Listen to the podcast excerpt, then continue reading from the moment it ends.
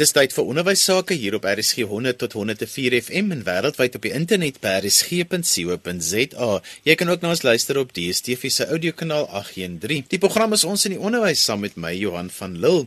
Vandag gesels ons oor 'n baie belangrike aspek en dit is die verkiesing van die 3 jaarlikse nuwe beheerliggame vir skole. Nou eers gesels ek met Jaco Deeken en hy is van FETSAS, maar hy is ook die SPL voorsitter van die Figard Laerskool in Bloemfontein. So hy sit op twee stoele. Jaco, welkom by ons in die onderwys en dankie dat jy bereid is om oor hierdie belangrike deel van ons eh, skoolkalender te gesels. Ja, baie dankie. Het Suid-Afrika staatskole of openbare skole en en wat is die verskil tussen die twee begrippe? Ja, ek dink dis amper die belangrikste vraag as ons by 'n beheerliggaam verkiesing kom want Suid-Afrika het nie 'n enkele staatskool nie. Ons het net openbare skole. Ons het 23719 openbare skole. En die verskil tussen 'n staatskool en 'n openbare skool is dat in 'n staatskool is die staat die eienaar en die staat besluit wat daar gebeur, terwyl 'n openbare skool is dit die gemeenskap wat die eienaarskap van daardie skool het en wat verantwoordelikheid vir die skool aanvaar. So omdat ons geen staatskole het nie, beteken dit dat ouergemeenskappe en skoolgemeenskappe dan verantwoordelikheid vir daardie skole aanvaar en dis hoekom hierdie verkiesing so belangrik is. En mens kan dit nie oorlaat aan iemand anders nie. Jy moet met jou voete gaan stem by die skool want die beheerliggaamsverkiesings is om die draai. So wat doen 'n beheerliggaam by 'n openbare skool? Ja, kyk uh, ons ons in die regsterme sê ons 'n skool en 'n Suid-Afrikaanse openbare skool is ook 'n regspersoon, 'n juridiese entiteit. Nou, die gebou kan tog nie 'n kontrak onderteken nie. So daar moet meganismes geskep word om vir regspersone oë en ore en hande en voete te gee. En dis presies wat die beheerliggaam is. Die beheerliggaam word dan nou hierdie regsentiteit, se hande en se oë en se voete. So alles wat deur by die skool gebeur, word dan deur die handelinge van die beheerliggaam moet dit dan gebeur. Ek sê dit is beleid wat opgestel word en is een van die belangrikste funksies van 'n beheerliggaam is om beleid op te stel, byvoorbeeld ou se taalbeleid of die toelatingsbeleid of dan die godsdienstbeleid van die skool. Hoe lyk jou buitekurrikulêre aktiwiteite?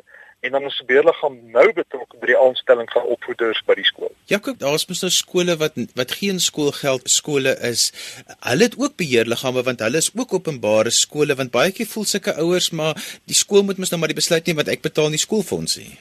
Ja, dit dis dis heeltemal 'n verkeerde persepsie. Daar's geen onderskeid of jy geld skoolgeld betaal dat jy mag stem of nie mag stem nie. Dit gaan eenvoudig daaroor as ek 'n openbare skool het, het ouers insaag in die kwaliteit en die gehalte van die onderrig van hulle kinders, ongeag of jy daarvoor betaal of nie. So geen skoolgeld skool ehm um, se beheerliggaam sal presies dieselfde funksies en bevoegdhede hê as die rykste skole in Suid-Afrika. Daar is net een kategorie uh, funksies wat toegeken word en dit is artikel 21 funksies wat spesifiek handel oor finansiële bestuur. Ehm um, en daarvoor moet 'n beheerliggaam addisioneel goedkeuring kry om daardie funksies te vervul. Maar aan die gewone deelname van 'n beheerliggaam bepaal finansies nie of jy kan deelneem of nie kan deelneem. So wat is die termyn van 'n beheerliggaam? Ja, die skolewet bepaal dat 'n beheerliggaam se termyn is 3 jaar. Ehm um, die amptdraers, dis nou die voorsitter en jou tesourier en jou sekretaresse moet jaarliks verkies word vanuit die lede van die beheerliggaam, maar die die verkiesing is elke 3 jaar en dit is dan in hierdie jaar Maart wat dit plaasvind. En net so interessantheid, dis eintlik die derde grootste nasionale verkiesing in Suid-Afrika. Ehm um, die grootste een is natuurlik ons verkiesing as ons die parlement verkies en ons wetgewers se mense. Want as dit 400 mense wat parlement toe gaan. En die tweede grootste is dan die munisipale verkiesing waar ons 'n bietjie meer verteenwoordigers in rade gaan sit. Maar met hierdie verkiesing word daar tussen 280 000 en 300 000 mense in openbare ampte verkies. So dis 'n reuse 'n reuse verkiesing wat gedurende Maart gaan plaasvind. En dit bepaal letterlik ons land se toekoms want hulle werk met ons land se toekoms in skole. So wie mag almal hieraan deelneem? Elke provinsie het verkiesingsregulasies wat bepaal nommer 1 wie mag stem en nommer 2 dan wie mag as kandidaat staan. Nou die stemproses is is eintlik eenvoudig. Al die ouers van die skool moet ouerverteenwoordigers kies. So as jy as 'n ouer by 'n skool betrokke is, dan gaan jy op die kiesersrol verskyn as 'n ouer en dan mag jy gaan stem. Die personeel gaan stem vir die personeel, ehm uh, beide dan die opvoeder kategorie en die nie opvoeders en dan by hoërskole word daar ook leerders op hierdie uh, op die beliggaam verkies. Nou om as kandidaat te staan as ouer, dan moet jy natuurlik nommer 1 eers 'n ouer wees. Nou die definisie van 'n ouer in terme van die skolewet sluit dan biologiese ouers in of dan nou wettige voogde of die derde kategorie is enige persoon wat die verantwoordelikheid van 'n ouer ten opsigte van die die opvoeding van die kind teenoor die skool uh, aanvaar. So 'n oupa of 'n ouma wat nie noodwendig 'n wettige voog is nie, maar vir alle praktiese doeleindes eintlik die ouer van daardie kind is, sou dan as 'n kandidaat in die verkiesing kon staan of selfs kan gaan stem in die verkiesing. Die enigste diskwalifikasies is waar jy insolvent is of 'n kriminele rekord en dan sien nou nie as 'n kandidaat in hierdie verkiesing kan staan nie. Uh weens weens die rede ek wil amper sê die vir die hand liggende redes omdat ons skoon en goeie beheer in skole wil hê. So wat is die kwalifikasies van 'n kandidaat? Want baie ouers is huiwerig om te staan te sê maar ek is nie gekwalifiseer om 'n beheerliggaam lid te wees nie. Dan is die eerste vraag wat ek vra maar wat is 'n kwalifikasie? Want die wet en regulasies vereis nie 'n naskoolse kwalifikasie of selfs matriek nie. Van die beste beheerliggaamlede in ons land is mense wat eenvoudig 'n passie het vir hulle kinders en vir hulle skool. En as jy passie het en jy kundigheid en ervaring wat jy aan die tafel toe kan bring, dalk 'n finansiële bestuur of menslike hulpbron bestuur of jy weet iets van instandhouding of bemarking, uh, ek wil amper sê of jy nou 'n 'n dromer, 'n doener is, dit sulke mense is nodig op 'n beheerliggaam, dis 'n oorsigrol maar dis nie noodwendig 'n kwalifikasie nie. Dis meer jou passie en jou kundigheid wat jy na die tafel toe gaan bring. So hoekom moet ouers betrokke wees by die beheerliggaam van 'n skool? Omdat ouers die meeste het om te verloor as daar nie goeie onderrig by die skool is nie. As ouers is ons eintlik primêr verantwoordelik vir die opvoeding van ons kinders, nie die skool nie. Die skool word my hoofvernoot. En as ek 'n vernoot gaan kies, dan moet ek daarom seker maak dat dinge gebeur reg by daardie skool. En ouers kry een keer in 3 jaar die geleentheid om verteenwoordigers te kies om seker te maak hierdie goed gebeur. Ons het 'n goeie missiestelling. Word daar uitvoering gegee aan ons missie van kwaliteit onderrig? Hoe lyk ons fasiliteite? Hoe lyk die handboeke en die materiaal wat ons kinders gebruik? En as ek nie hierdie geleentheid ge gebruik nie, dan gaan ek eers oor 3 jaar die geleentheid kry. Ek lees die skokkende stelling wat gemaak word dat swak beheerliggame word verkies deur goeie ouers wat nie gaan stem nie. En daar steek soveel waarheid daarin. Ons moet verantwoordelikheid aanvaar en dit beteken dat ek moet gaan stem. Dit beteken as ek vaardighede het dat ek dit tot die skool se beskikking gaan moet stel. Want dit is beslot van sake my kind wat in die skool is. En as ek die grootste belang daarby het, gaan ek tog nie nodig omsigtigheid optree in beste belang van die skool. So in kort, hoe werk hierdie verkiesingsproses? Elke skool moet sy eie verkiesingsdatum gedurende Maart bepaal.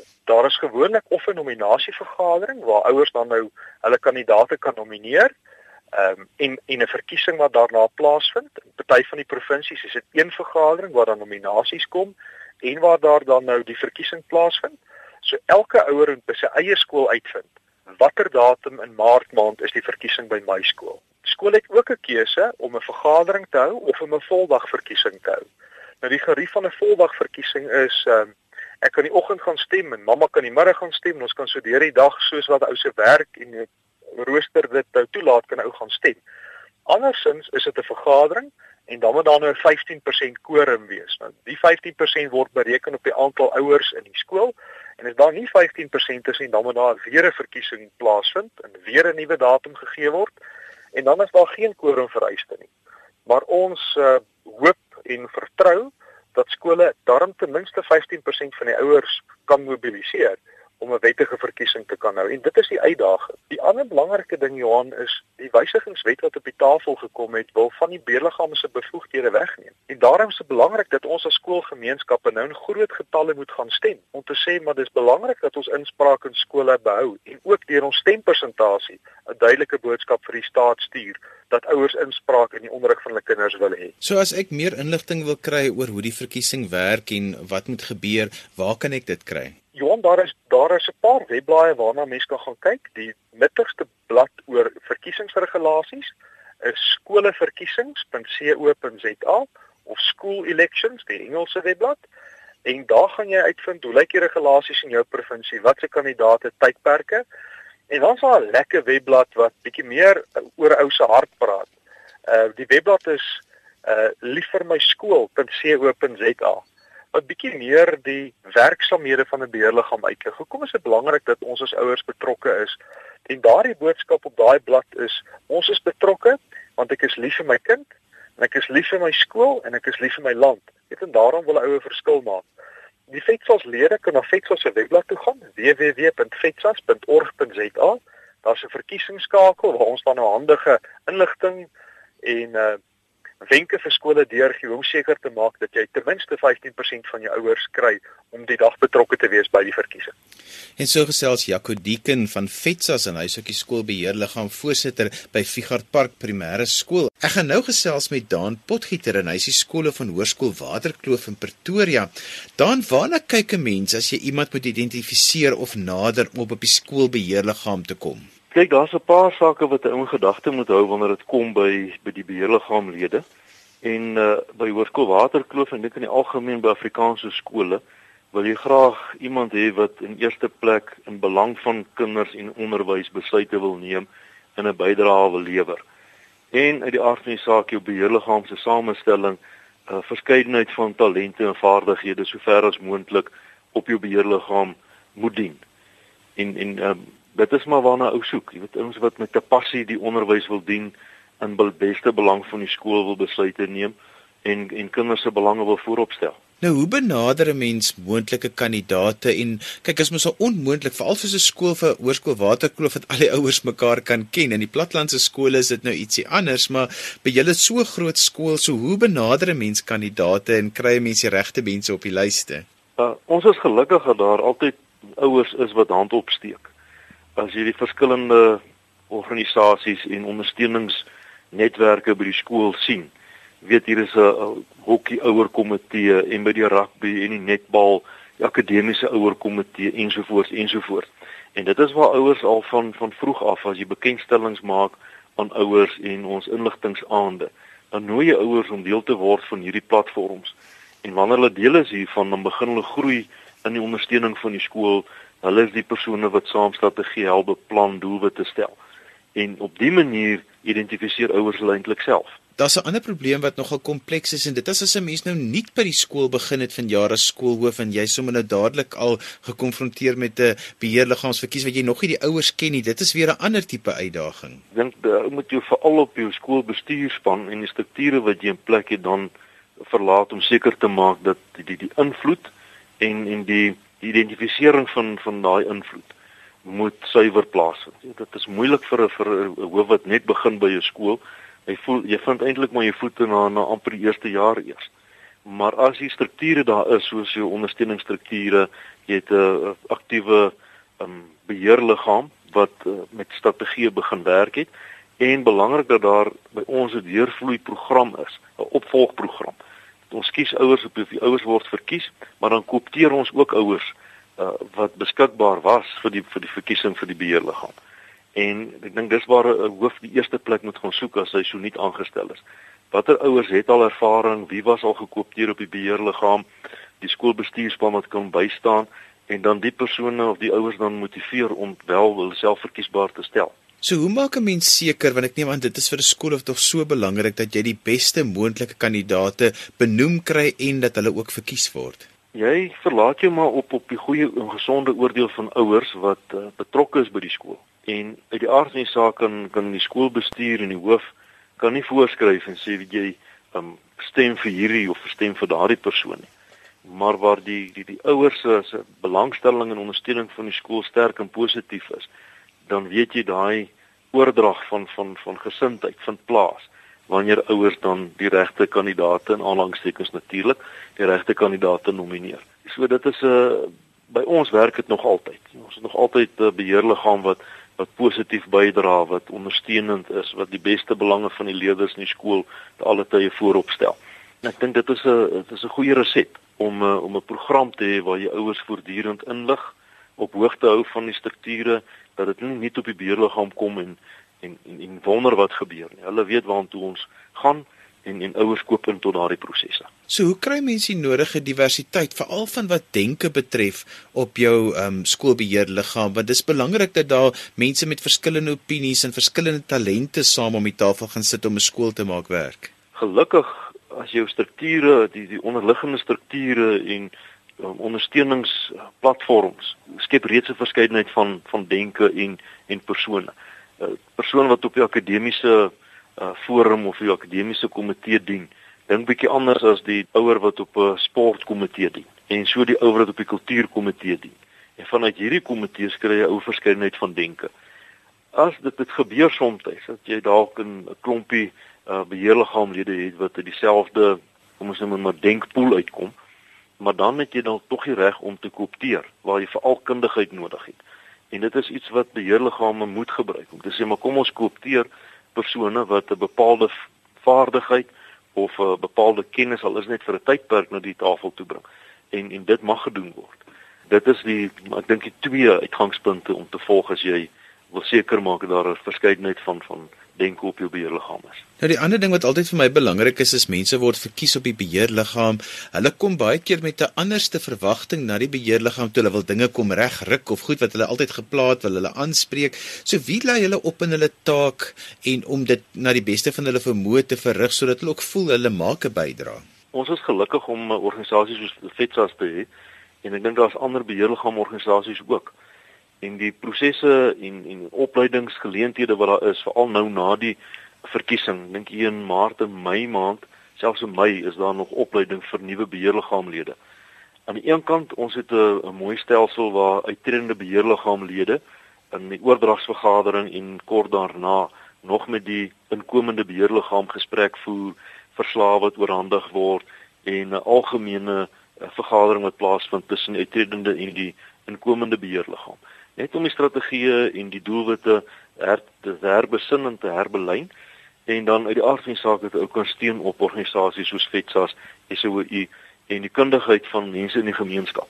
Ons kry iemand in om te sê maar kom gesels bo boom behalwe FETSAS se in, in insette. Kom ons kry iemand anders ook wat vanuit 'n ander hoek gesels oor die verantwoordelikhede, die pligte en dis meer van 'n beheerliggaam. So jy is 'n skoolhoof, wat is jou verwagting van skoolbeheerliggaamslede? Die eerste verwagting is om te alle tye die belange van die leerders in die skool voorop te stel. En as 'n mens dit as vertrekpunt het, dan weet jy dis 'n funksionele beheerliggaam. 'n Beheerliggaam wat die strategieë wat deur die beheerliggaam opgestel het en die doelwitte wat gestel is, um, na te volg, vergaderings by te woon en in komitees uh, te werk en 'n bydrae te lewer tot dit wat ons ooreengekom het die strategie vir die skool moet wees um, ons mag met mekaar verskil uit die aard van die saak want uit daai verskil uit groei die organisasie en die skool net sterker. En uh aller aller wie soek iemand wat net na kom ons sê slaafs navolg en sê kom ons doen nou maar soos die beheerliggaam wil hê of soos die hoof wil hê of die die bestuur wil hê maar dat jy mense het wat krities gaan ondersteun en en positiewe kommentaar en bydrae kan lewer tot die ontwikkeling van die skool. Die verhouding tussen die skoolhoof en die beheerliggaam is ook 'n bietjie kompleks in die sin dat die beheerliggaam is mos nou nie jou werkgewer nie want die werkgewer bly die onderwysdepartement, maar die beheerliggaam het bepaalde funksies wat hulle moet vervul in die skool en in die gemeenskap. Hoe bestuur 'n mens daardie verhouding dat dit die tot voordeel is van al die partye betrokke? Ek dink dit begin met um, suiwer en eerlike kommunikasie waar waar ons moet met mekaar um, in gesprek tree, dan is die eerste doelwit dit wat ons nou doen, dit waar ons nou praat, wie se beste belang is dit? En en vanuit daai gesprekke is dit altyd 'n oop verhouding. Ons ons het nie agendas nie. Ons het nie alternatiewe motiewe behalwe om die saak te dien. En en dan is dit maklik. Dit is eerlike kommunikasie. Ouers weet waar hulle staan. Hulle weet wat is die die skool se doelwitte hulle het inkoop daartoe, hulle het medeseggenskap, maar ook medeverantwoordelikheid en en dit is die ek wil amper sê die suksesresep. So wat is die eerste dinge wat jy gewoonlik met jou nuwe skoolbeheerliggaam doen as hulle sopas aangestel is? Die eerste ding is ons kyk na die grondwet van die beheerliggaam en ons kyk na die pligte en die verantwoordelikhede van die beheerliggaam. Ons het 'n oop gesprek oor die oordrag van van aktiwiteite um, strategieë doelwitte van of die vorige beheerliggaam. Uh, gesprek waarin ons dan herbelyn en, en herbesoek en sê maar goed ons ons gaan voort met dit wat daar gestel is of ons stel vir ons nuwe doelwitte. En dan is dit ook 'n 'n geleentheid om op 'n persoonlike vlak met die ouers kennis te maak en en seker te maak dat ons verstaan en vertrou mekaar in terme van ons verantwoordelikheid ten opsigte van die skool. Nou daar's baie ouers wat nou luister en hulle neem nou kennis van hierdie verkiesing wat voorlê. As ons hulle moet motiveer, hoekom is dit so belangrik dat ouers tog sal gaan stem en dit nie sal oorlaat in hoop 'n ander ouers sal die regte keuse maak nie? Ek dink daar is genoeg bewyse van van waar disfunksionele beheerliggame teen die grond het. En ons uh, verwagting is vir onderwys om te slaag dat die vennootskap tussen personeel, hoof en ouers as daai vennootskap op 'n gesonde vlak is, dan is die skool gesond. Ons weet wat die uitdagings in die toekoms kan kan inhou ten opsigte van gerigte van verandering van die magte van beheerliggame. En mense kan dit nie oorlaat aan iemand om dit in die toekoms te bestuur en sê ag toe maar miskien waai dit oor in en dis verby nie. In belang van die gemeenskap en belang van onderwys en Afrikaanse onderwys in Suid-Afrika moet ouers betrokke raak. Hulle moet stem. Hulle moet die die die ou wat hulle weet hierdie saak kan kan vorentoe dra, nomineer en vir hulle gaan stem. Jy kan nie net lou staan. Ek dink die daar daar's te veel bewyse ook van waar dit te laat wil ingryp en dan moet ons dinge regmaak. Ons van die begin af die dinge reg het rondom beleid van die skool, struktuur, strategie. Dan dan weet ons vir die volgende 3 jaar is die skool na aanhalingstekens veilig om um, die skool na na volgende vlak te neem. En ouers is is deel van hierdie vennootskap. Dit, dit kan nie net oorgelaat word aan net sy ehm, 'n um, hoof of aan die die skoolbeheerliggaam nie, of of aan die skoolbestuur nie. So die beheerliggaam het 'n prominente rol om om die toekoms van die skool te bepaal. En so gesels Daan Potgieter en hy is die skool van Hoërskool Waterkloof in Pretoria. En daarmee het ons gekom aan die einde van vandag se program. Ons het bietjie gesels oor die skoolbeheerliggaamsverkiesing wat nou voorlê in Maart. Onthou jy kan weer na vandag se program luister as 'n potgooi. Laai dit af by rsg.co.za. daarmee groet ek dan vir vandag tot volgende week van my Johan van Lille. Totsiens.